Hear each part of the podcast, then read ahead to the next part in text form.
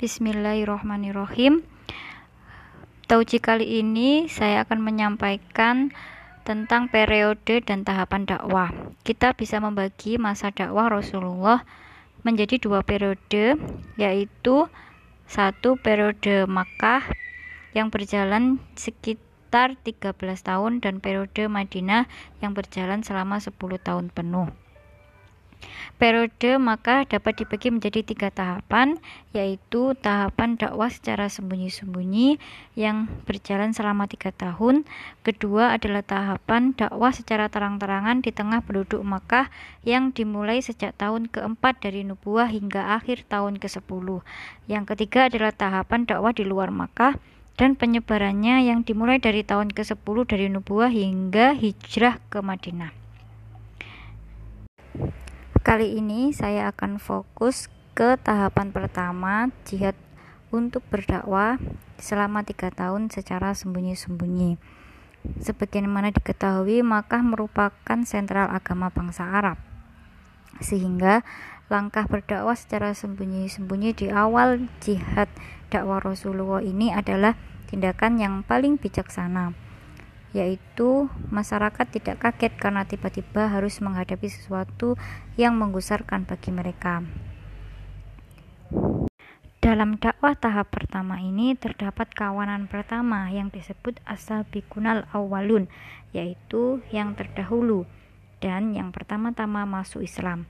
Mereka adalah istri beliau, Ummul Mukminin Khadijah binti Kuwailid, pembantu beliau Zaid bin Haritsah bin Surah bil Al-Qalbi dan anak paman beliau Ali bin Abu Thalib yang saat itu Ali masih anak-anak dan hidup dalam asuhan Rasul Shallallahu Alaihi Wasallam dan sahabat karib beliau Abu Bakar As-Siddiq.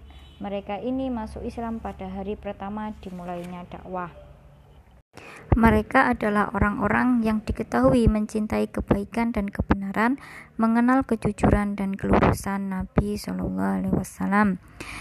Maka mereka yang diseru ini langsung memenuhi seruan beliau karena mereka sama sekali tidak menyangsikan keagungan diri beliau dan kejujuran pengabaran yang beliau sampaikan.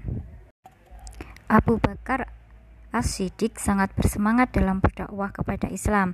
Dia adalah laki-laki yang lemah lembut, pengasih dan ramah, memiliki akhlak yang mulia dan terkenal. Kaumnya suka mendatangi Abu Bakar dan menyayanginya karena dia dikenal sebagai orang yang memiliki pengetahuan dan sukses dalam berdagang serta baik pergaulannya dengan orang lain. Maka dia menyeru orang-orang dari kaumnya itu yang biasa duduk-duduk bersamanya dan yang dapat dipercayainya. Berkat seruannya, ada beberapa orang yang masuk Islam, yaitu Utsman bin Affan, Az-Zubair bin Al-Awwan, Abdurrahman bin Auf, Sa'ad bin Abi Wahos, dan Tolhah bin Ubaidillah At-Taimi.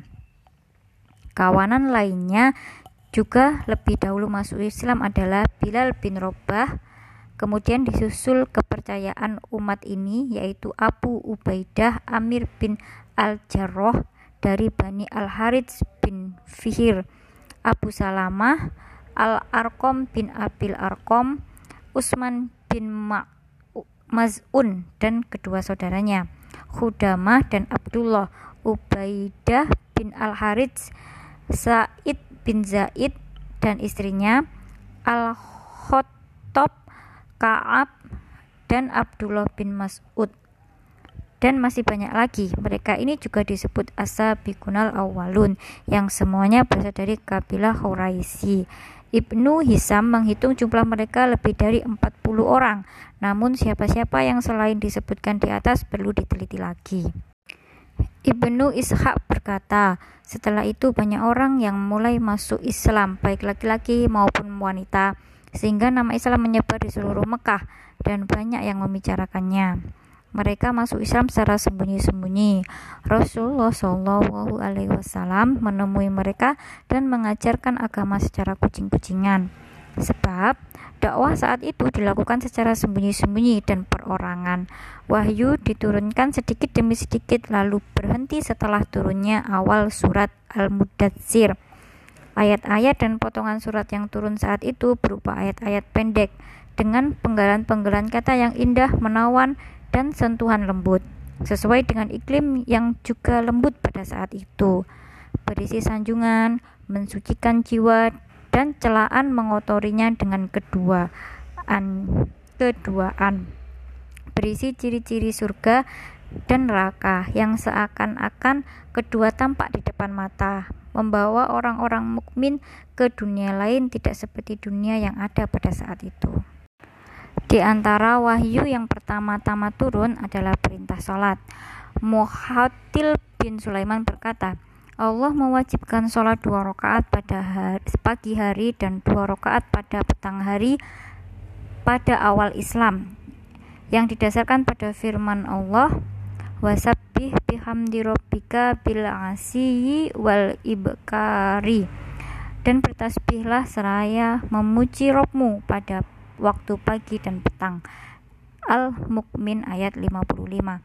Ibnu Hajar menuturkan sebelum Isra Nabi Shallallahu Alaihi Wasallam sudah pernah sholat.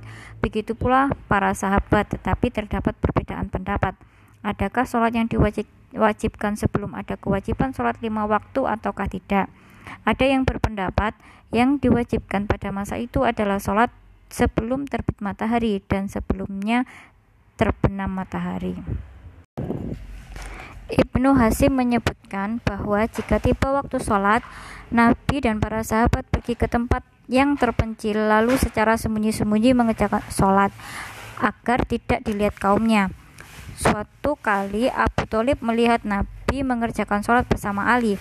Namun Abu Talib menanyakan sholat itu. Setelah mendapatkan penjelasan yang cukup memuaskan, Abu Talib menyuruh beliau dan Ali agar menguatkan hati.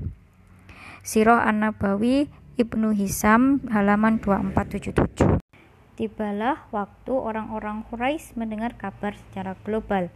Setelah melihat beberapa kejadian di sana-sini, Ternyata dakwah Islam sudah didengar orang-orang Quraisy pada tahap ini, sekalipun dakwah itu masih dilakukan secara sembunyi-sembunyi dan perorangan. Namun, mereka tidak ambil peduli. Muhammad Al-Ghazali menuturkan, kabar tentang dakwah Islam ini sudah mulai menyebar di kalangan orang-orang Quraisy. Namun, mereka tidak ambil peduli sebab mereka mengira bahwa Muhammad hanya salah seorang di antara mereka yang peduli terhadap urusan agama, yang suka berbicara tentang masalah ketuhanan dan hak-haknya, seperti yang biasa dilakukan Umayyah bin As-Salat, Hus Sa'idah, Amr bin Nufail, dan orang-orang yang lain. Tapi, lama-kelamaan ada pula perasaan khawatir yang mulai menghantui mereka karena pengaruh tindakan beliau. Oleh karena itu, mereka mulai menaruh perhatian terhadap dakwah Nabi. Selama tiga tahun, dakwah masih dilakukan secara sembunyi-sembunyi dan perorangan. Selama jangka waktu itu telah terbentuk kelompok orang-orang mukmin yang senantiasa menguatkan persaudaraan dan saling bahu-membahu.